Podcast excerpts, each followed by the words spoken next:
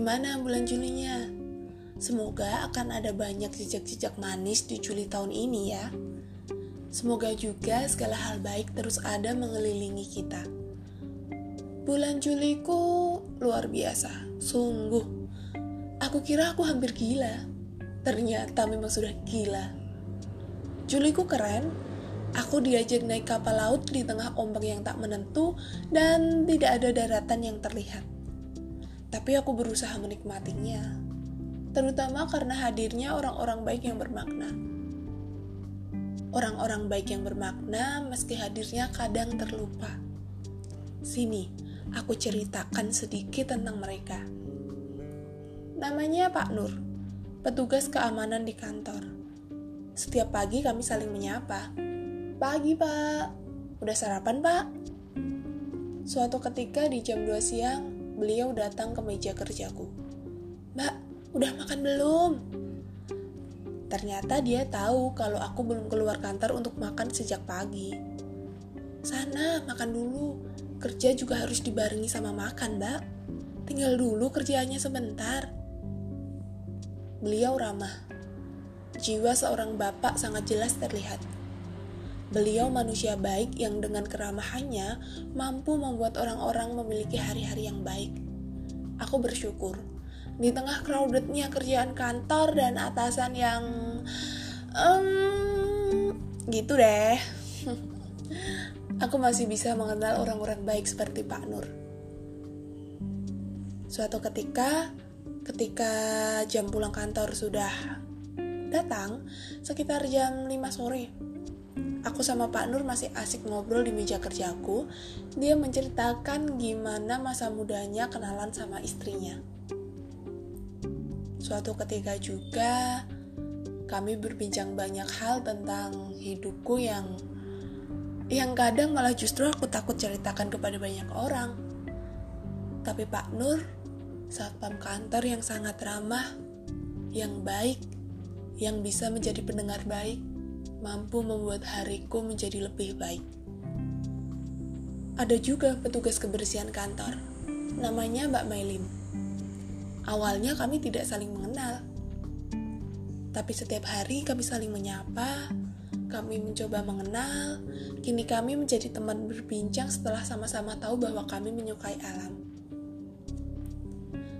Mbak Melin cerita, di kantor ini dia satu-satunya OB perempuan.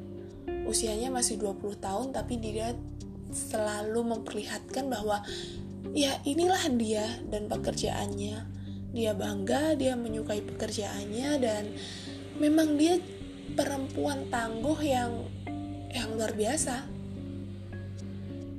Di tengah sibuknya pekerjaan dia dalam sehari, dia sempatkan untuk berkunjung ke meja kerjaku sebatas menyapa Rama. Mbak, udah makan belum? Mbak, mau aku buatin mie nggak? Malah justru kadang-kadang dia membawakan aku makanan ke meja kerjaku. Suatu ketika tiba-tiba saja dia tanya, Mbak, hobi kamu apa sih? Lari, pergi, nulis. Kenapa emangnya?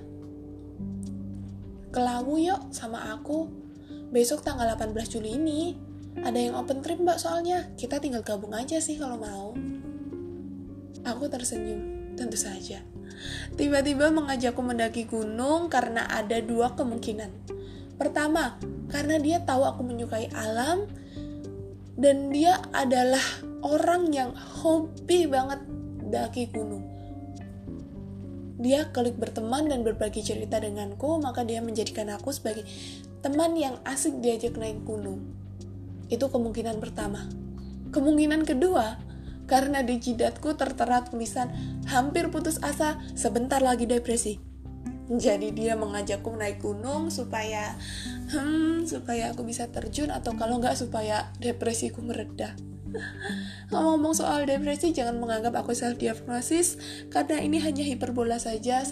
Sebenarnya aku cuman stres saja. But it's okay. Mari kita lanjut berbincang. Mbak Melin adalah orang baik yang banyak mengajarkanku tentang keramahan dan cara menghargai siapa pun yang kita temui. Pertama kali aku mengajaknya sarapan, dia sungkan. Katanya, Mbak serius ngajak aku sarapan? Nggak sama karyawan kantor lain aja, mbak? ya aku bilang kalau kita mau makan ya makan aja sama siapa pun itu nggak masalah kalau untuk aku pribadi selagi orangnya asik asik diajak ngobrol ya kenapa enggak lalu kita sarapan di salah satu warung kecil pinggir jalan yang jualan jajan-jajan pasar tradisional itu tempat favoritku pedagangnya ramah sungguh kata Melin Mbak kok mau sih jajan di pinggir jalan gini? Kan biasanya orang kantor nyari yang mahal. Gak ada loh mbak orang kantor yang jajan ke sini. Lalu aku jawab, gak ada duit aku. Dia tertawa, kami tertawa. Setiap hari menertawakan hal-hal ringan yang yang bisa membuat hari kita menjadi lebih baik. Sejak itu kami berteman akrab. Dia banyak mengajarkan hal-hal baik yang tidak aku dapatkan di bangku pendidikan. Thank you ya, Melin. Kalau kamu dengerin podcast ini, berarti kamu sudah tahu bahwa kamu adalah orang yang mengesankan di hidupku. Dan ya kali kamu belum dengerin ini, kan tiap hari aku ingetin. Ada lagi orang baik lainnya. Banyak. Orang-orang baik yang hadirnya kadang hanya sekelebat dalam sehari, tapi mampu mengubah satu hari itu menjadi lebih baik-baik saja. Yang ingin aku sampaikan adalah Aku tahu, kadang kita tidak benar-benar menyukai rutinitas keseharian kita. Ada saatnya kita benar-benar lelah dengan pekerjaan-pekerjaan yang gak ada habisnya. Ada saatnya kita marah dengan atasan atau rekan kerja karena suka ngadi-ngadi aja kelakuannya. Ada saatnya kita ingin pergi saja dari rutinitas dan memulai lembaran baru yang jauh lebih menyenangkan. Ada saatnya kita bilang, This is my bad day. Benci banget aku sama hari ini. Brengsek lah orang-orangnya. Tai lah. Tapi sayang, jangan sampai semua hal itu menutup harimu. Jangan biarkan hal-hal menyebalkan itu mengisi seluruh 24 jammu.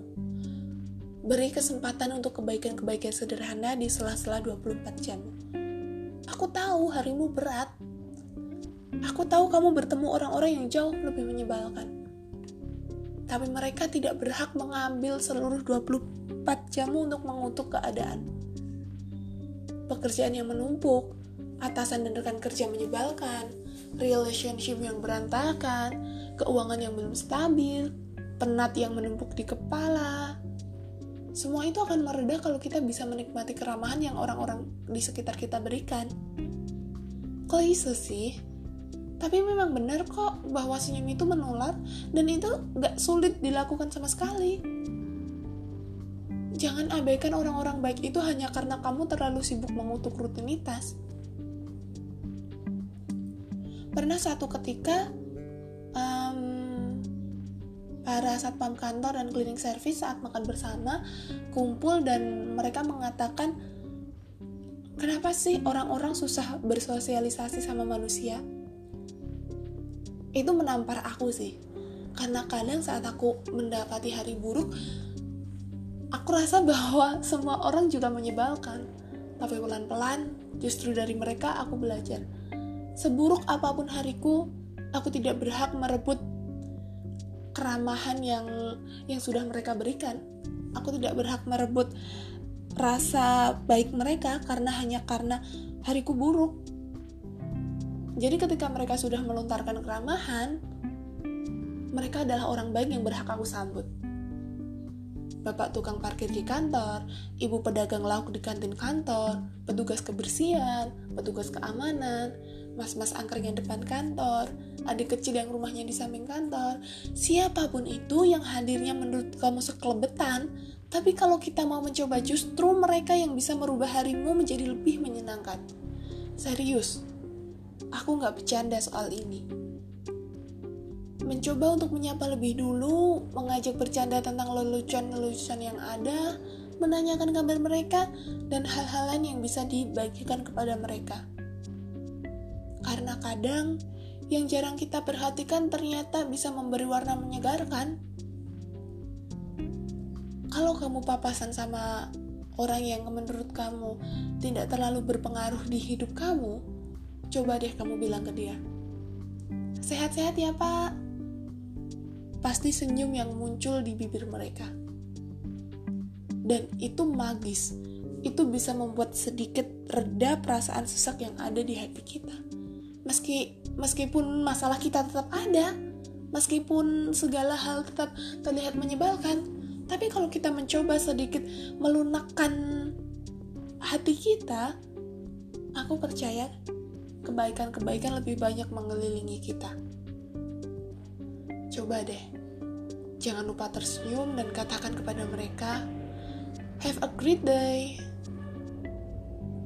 Pasti respon baik yang kamu terima, dan itu bisa membuat vibes positif untuk diri kamu. Untuk kamu yang terjebak di satu pekerjaan, mari mulai ciptakan alasan untuk bertahan. Aku tahu ini berat dan rutinitas sangat membosankan, tapi tidak ada salahnya untuk mencoba menciptakan hal-hal menyenangkan bersama mereka yang kadang kita abaikan. Kalau di episode sebelumnya kita ngobrolin tentang pertemanan di real life dan di sosial media, maka saat ini kalau kamu merasa kamu tidak menemukan teman yang ada di real life sehingga membuat kamu terus berlari ke sosial media, Saatnya kamu memulai menciptakan keramahan-keramahan di lingkungan kamu bersama mereka yang kamu anggap mungkin gak penting. Itu bisa membuat kamu berpikir bahwa um, real life seru juga ya. Ternyata gak semua kenyataan itu buruk.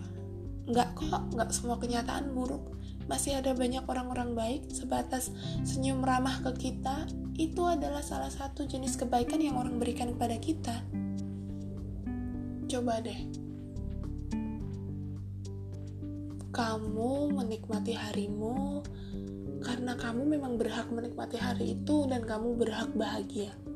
Kamu sapa mereka yang mungkin selama ini kamu abaikan, maka akan tercipta pertemanan yang bisa membuat kamu lebih bisa menerima hari itu. Aku juga belajar kok pekerjaanku berat. Ini bukan passionku, seperti yang aku bilang di episode-episode sebelumnya, tapi aku tetap mencoba menikmati hari-hariku karena memang aku berhak enjoy di suatu momen di hari itu. Jadi aku mencoba menikmati semuanya. Aku sapa mereka yang menurut aku memang pantas untuk disapa, siapa pun itu. Yang memang semua orang oh yang memang semua orang bisa kita sapa. Satpam kantor berhak kita sapa, tukang parkir pinggir jalan berhak kita sapa, petugas kebersihan kota berhak kita sapa kok semuanya. Paling nggak satu hari itu menjadi hari baik, dan kalau semuanya sudah selesai, waktunya aku pulang ke rumah, waktunya aku masuk ke kamar, baru aku hubungi teman-teman di real life aku, meskipun isinya kita saling mengumpat tai ya hari ini brengsek banget. Paling enggak sesak di di hati tuh mereda. Karena itulah gunanya pertemanan yang baik di real life. Nggak cuman selalu mengatakan sabar ya aku tahu kok um, aku juga ngalami hal yang lebih berat. Ambil positifnya aja. Kadang-kadang kita butuh teman yang sama-sama menjadi tempat sampah untuk segala umpatan kita itu gunanya pertemanan yang menurut aku worth it dipertahankan sih. Ada teman-teman yang memang memberi memberi kita vibes positif ada teman-teman yang memang kita jadikan tempat sampah untuk seluruh umpatan kita. Dan aku dengan teman-temanku seperti itu. Kami di satu waktu menjadi tempat sampah untuk masing-masing kita untuk mengumpat. Tai lah hari ini. Iya tahu brengsek banget bla bla bla itu dongeng sebelum tidur yang lebih menyenangkan sih untuk saat ini di usia dewasa yang banyak ngalamin hal-hal nyebelin. Tapi tentu saja lebih banyak hal-hal menyenangkan. Jadi teman-teman, itu pembahasan kita kali ini. Sampai jumpa di episode selanjutnya dan have a great day.